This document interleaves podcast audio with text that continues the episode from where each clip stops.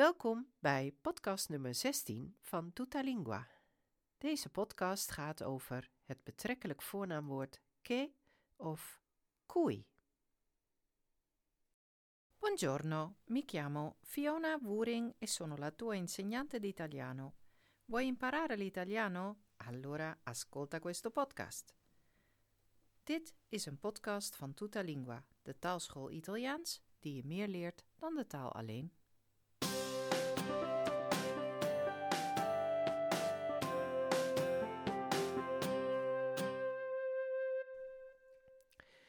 In deze podcast leg ik uit wanneer je het betrekkelijk voornaamwoord che of cui gebruikt.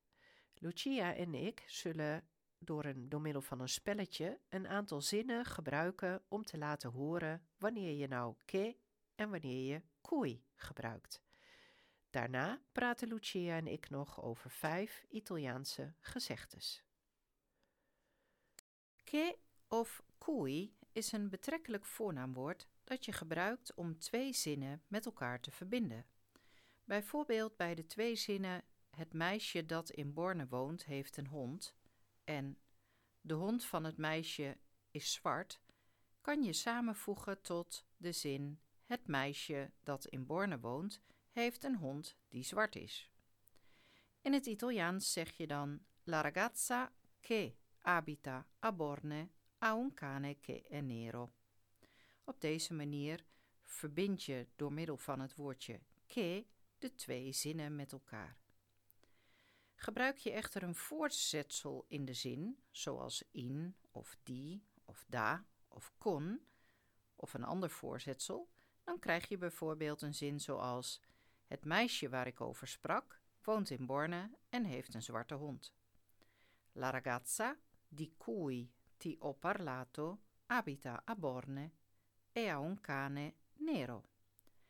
In dit geval zeg je niet che, maar cui. Dat is omdat je het voorzetsel die gebruikt. En dan kan je dus niet zeggen la ragazza di che ti ho parlato, maar la ragazza di cui.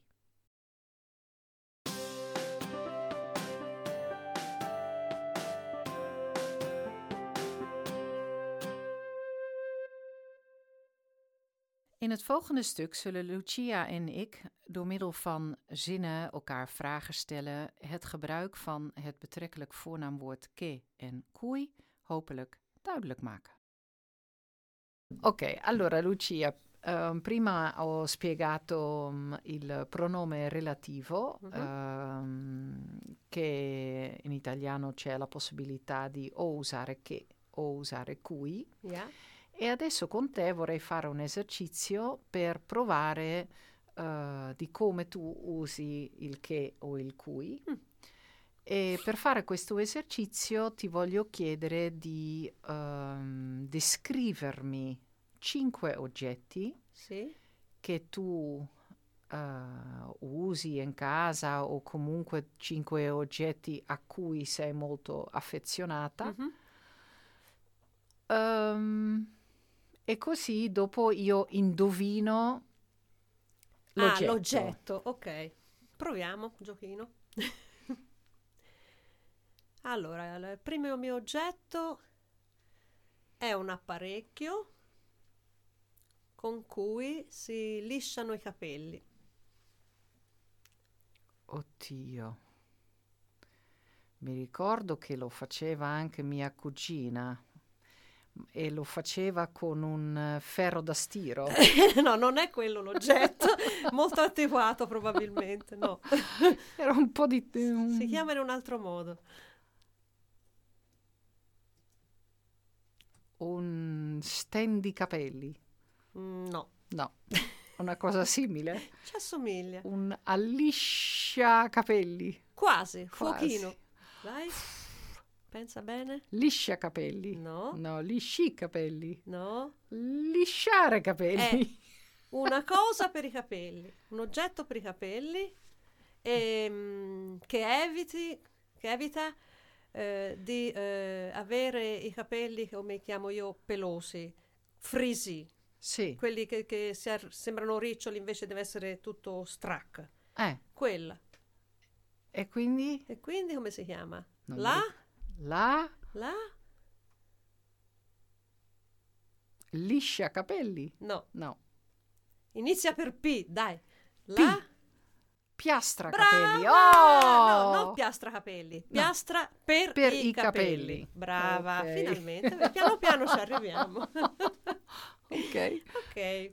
Un altro oggetto, Un altro il oggetto. numero due, è un oggetto a cui sono molto affezionata perché me l'ha regalato mio marito tanti anni fa ed è un piattone in cui preparo l'insalata. Un piattone in cui prepari l'insalata è un vassoio. Bravissima, Oh. visto la, volta, la prima volta, Sì. perfetto. Sa. Mm. Ok, questa è difficile la prossima. Allora, è un libro di cui ti ho parlato Sì. che mi ricorda mia nonna. Ah, il libro Come si intitola? I pattini d'argento. Bravissima, vedi mi conosci. Ascolta, ehm, potresti raccontare agli ascoltatori di che cosa parla questo libro?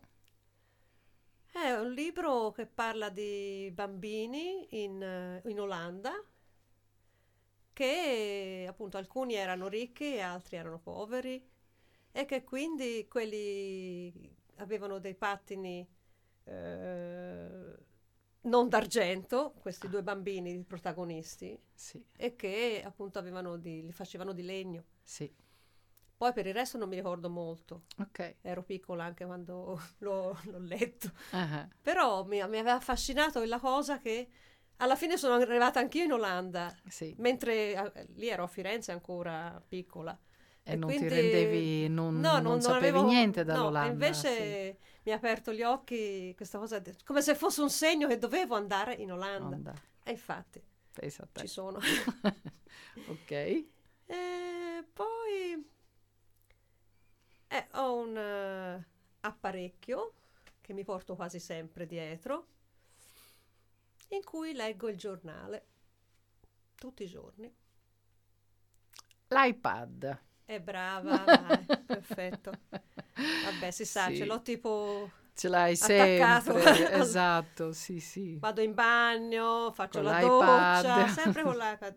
Sì, che quella c'è sempre. E giochi anche tanti, tanti Sì, eh, anche giochi. con te, eh, ora. Mm, Quindi eh sì, siamo alle battaglie. sì. con i giochini.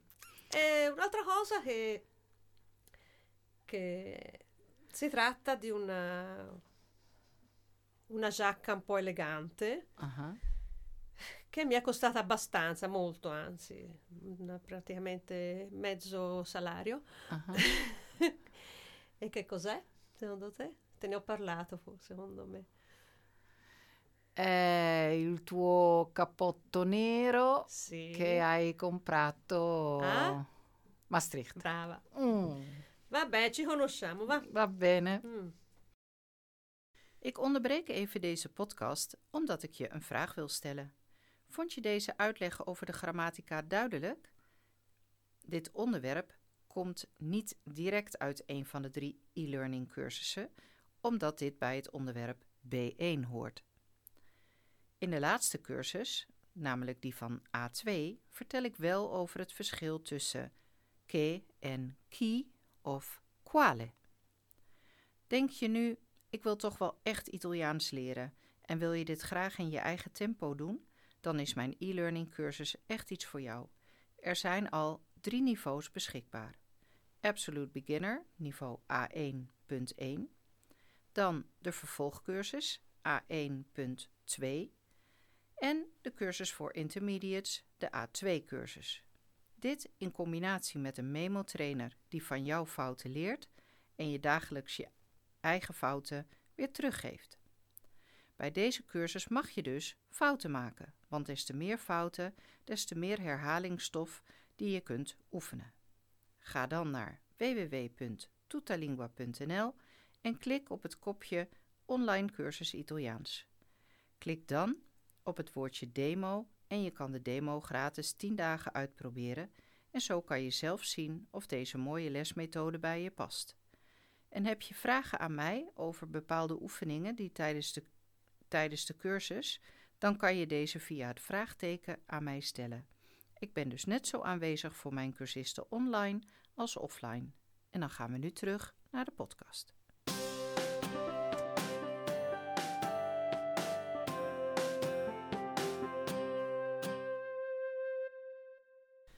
Allora Lucia, adesso ho un oggetto per te Mhm. che io uso tutte le sere. È un oggetto con il quale vado a letto e ha la funzione di scaldarmi i piedi. Eh, scaldarti i piedi. Oh, non mi viene la parola in italiano. Il, la borsa dell'acqua calda. Esatto, sì. yes! E- Ok, l'ho f- meno- una l'ho fatta. Dai, e questo per me è un oggetto molto importante perché se no ho i fre- piedi gelati. Ma si dice piedi freddi, cuore caldo. Ah, quello sicuro, eh, quello sì. Un proverbio. Infatti, infatti, è vero. Um, un altro oggetto che io uso sempre è purtroppo è un oggetto di cui ho veramente bisogno perché quando mio figlio mi fa vedere una cosa sul cellulare non vedo niente senza quell'oggetto. Eh, ho lo stesso problema. Gli occhiali. Esatto. Ci potrei dormire anche con gli occhiali. C'ho gli occhiali dappertutto. Siamo cioè anziane. Siamo anziane. E un'ultima è un oggetto ehm, di cui ho bisogno per giocare con il mio cane. La palla! Giusto! Ok, dai, siamo state Basta, bravissime. Va Basta. bene così. Sì, applauso. Yay! Bravissimi. Lucia, ehm, in questo podcast ehm, volevo parlare con te di proverbi italiani. Mm, ok. Proverbi che per te sono importanti o proverbi che in qualche modo hanno un significato per O te. che trovo buffi. Sì, esatto, sì, ok. Allora, il primo proverbio che tu mi hai dato è ehm, a caval donato non si guarda in bocca, che Mm. c'è anche in olandese. Eh? Come dite in olandese? Eh, je mag een gegeven paard niet in de bek kijken. Perfetto, Quindi. uguale. Caval donato non si guarda in bocca. Perché ti piace e hai scelto questo? Perché praticamente nasce da una, yeah, uno sbaglio de- di bambina. Quando ero piccola e veniva detto eh, a caval donato non si guarda in bocca. Io pensavo che il cavallo si chiamasse donato e invece vuol dire regalato. Sì. Quindi questa mi è rimasta impressa tantissimo Esatto. perché tutti ridevano di me su questa cosa che Donato era il nome del cavallo, Cavallo. invece non era così. Ok, ok. va Ricordi di piccole, di piccole Sì. donne.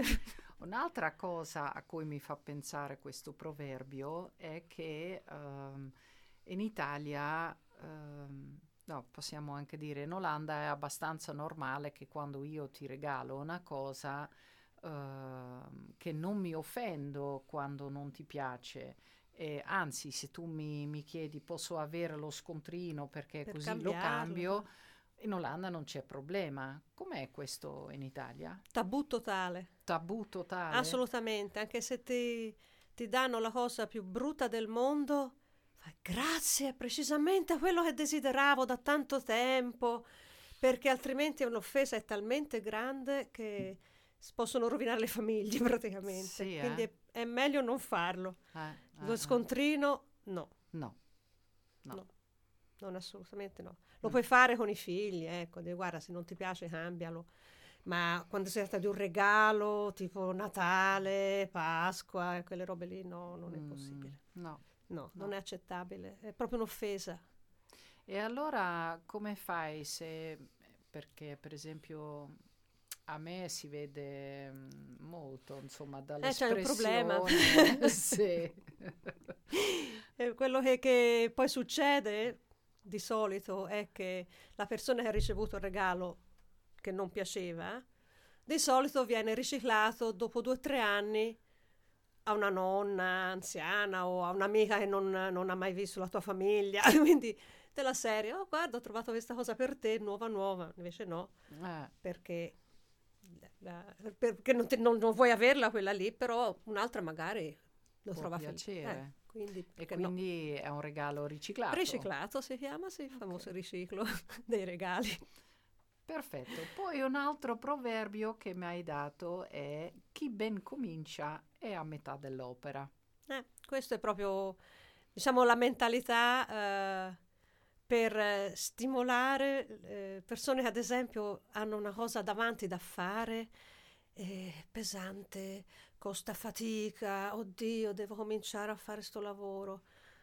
E di solito si dice, se cominci, sei già a metà del lavoro, quindi fai prima, è Sì. inutile stai lì a pensare di che devi farlo, fallo subito e sei a posto. Eh, Esatto. Questa è. esatto, Sì. Non, non stare là a pensare a quanto ti dura e quanto è pesante. Una volta inizi, poi vai da sé. insomma, va da Esatto, sé. sì, sì. Bella mentalità, mi Yeah, piace. sì. Infatti, tanto Sì. è inutile star lì a, a scaldare la sedia. ma cominciare, insomma. Sì, sì, sì. Ok. E poi mi hai detto, per te chi cerca trova. Yeah, yeah, Perché mi hai infatti, messo quella? Perché qualche giorno fa mi è arrivato un WhatsApp da parte tua dicendo: Ah, ho perso la chiave della macchina, non posso por- portare la, la macchina indietro se non ho la doppia chiave, l'ho persa, non c'è da nessuna parte. Dramma. Mhm. E io che ti ho detto? Eh, mi hai detto che... Calmati ca- e cerca. Sì, E chi cerca, trova. esatto. E la chiave è? Trovata. Brava. eh.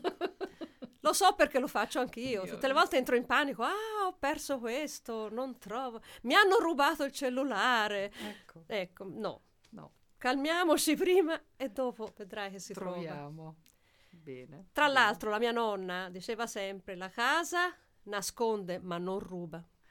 È vero, bella questa anche. Ma infatti ero certa perché doveva essere a Appunto, casa. ma dove? Ma dove? Sì, esatto. Mm. eh, beh, succede. No. Ehm, chi lascia la via vecchia per la nuova sa quel che lascia, ma non sa quello che trova. Eh, sì, anche questo è un ottimo proverbio che diciamo stimola a pensare prima di lasciare una cosa che è certa, tipo lasciare un lavoro, lasciare un marito, prima di sapere, non sai quello che dopo ti viene, magari è peggio di quello che avevi Eh, prima. Esatto, e, e quindi magari ti stimola anche di apprezzare, Apprezzare quello, che, che hai, hai, certo, eh? non si sa mai, però Sì. meglio evitare di fare errori dopo. E poi un proverbio che si applica invece su di te. Eccoci. Chi pecora si fa, il lupo se la mangia. Eh sì, sì, sì, perché io sono un po' così, in effetti sono un po' una pecora, nel senso che eh, non oso eh, contrariare le altre persone o offenderle in qualche modo, essere troppo eh, visibile e quindi mi faccio piccina piccina, cerco di non dare noia a nessuno. Però in questo caso, e sono sempre disponibile, quindi, oh sì, te lo faccio io, no, quella traduzione la finisco io, non ti preoccupare. Però dopo, chiaramente, le persone se, se ne approfittano, Esatto, sapendo sì. che te fai tutto quello che praticamente ti chiedono, Esatto. non c'è più questa cosa del oggi no. Eh, No. sei Eh, troppo buona. Sono troppo, sì, Sì, sei accondiscendente. sì, ok, va bene. Infatti ti stavo, mm, eh, ti ho fatto sentire anche una canzone mm, di un cantante olandese, sì. eh, Daniel Lohus, che lui canta mm, nella sua, nel suo dialetto di Drenthe e lui canta proprio di questo. Della pecora. Della pecora, sì, eh, quando ti travesti eh, da pecora, Il lupo eh, ti mangia. il lupo ti mangia Eh, o ti segue. eh, certo. o- sì, è proprio, proprio Bello così. anche questo, infatti. Sì, sì. E poi un proverbio che piace molto a me, che è un po' atipico, perché insomma la bicicletta la usiamo più noi in Olanda Eh, che non voi in Italia, però è un proverbio in italiano Eh sì. che eh, si dice hai voluto la bicicletta, pedala. Perfetto. No, grazie. Grazie, grazie Luz. ciao. ciao.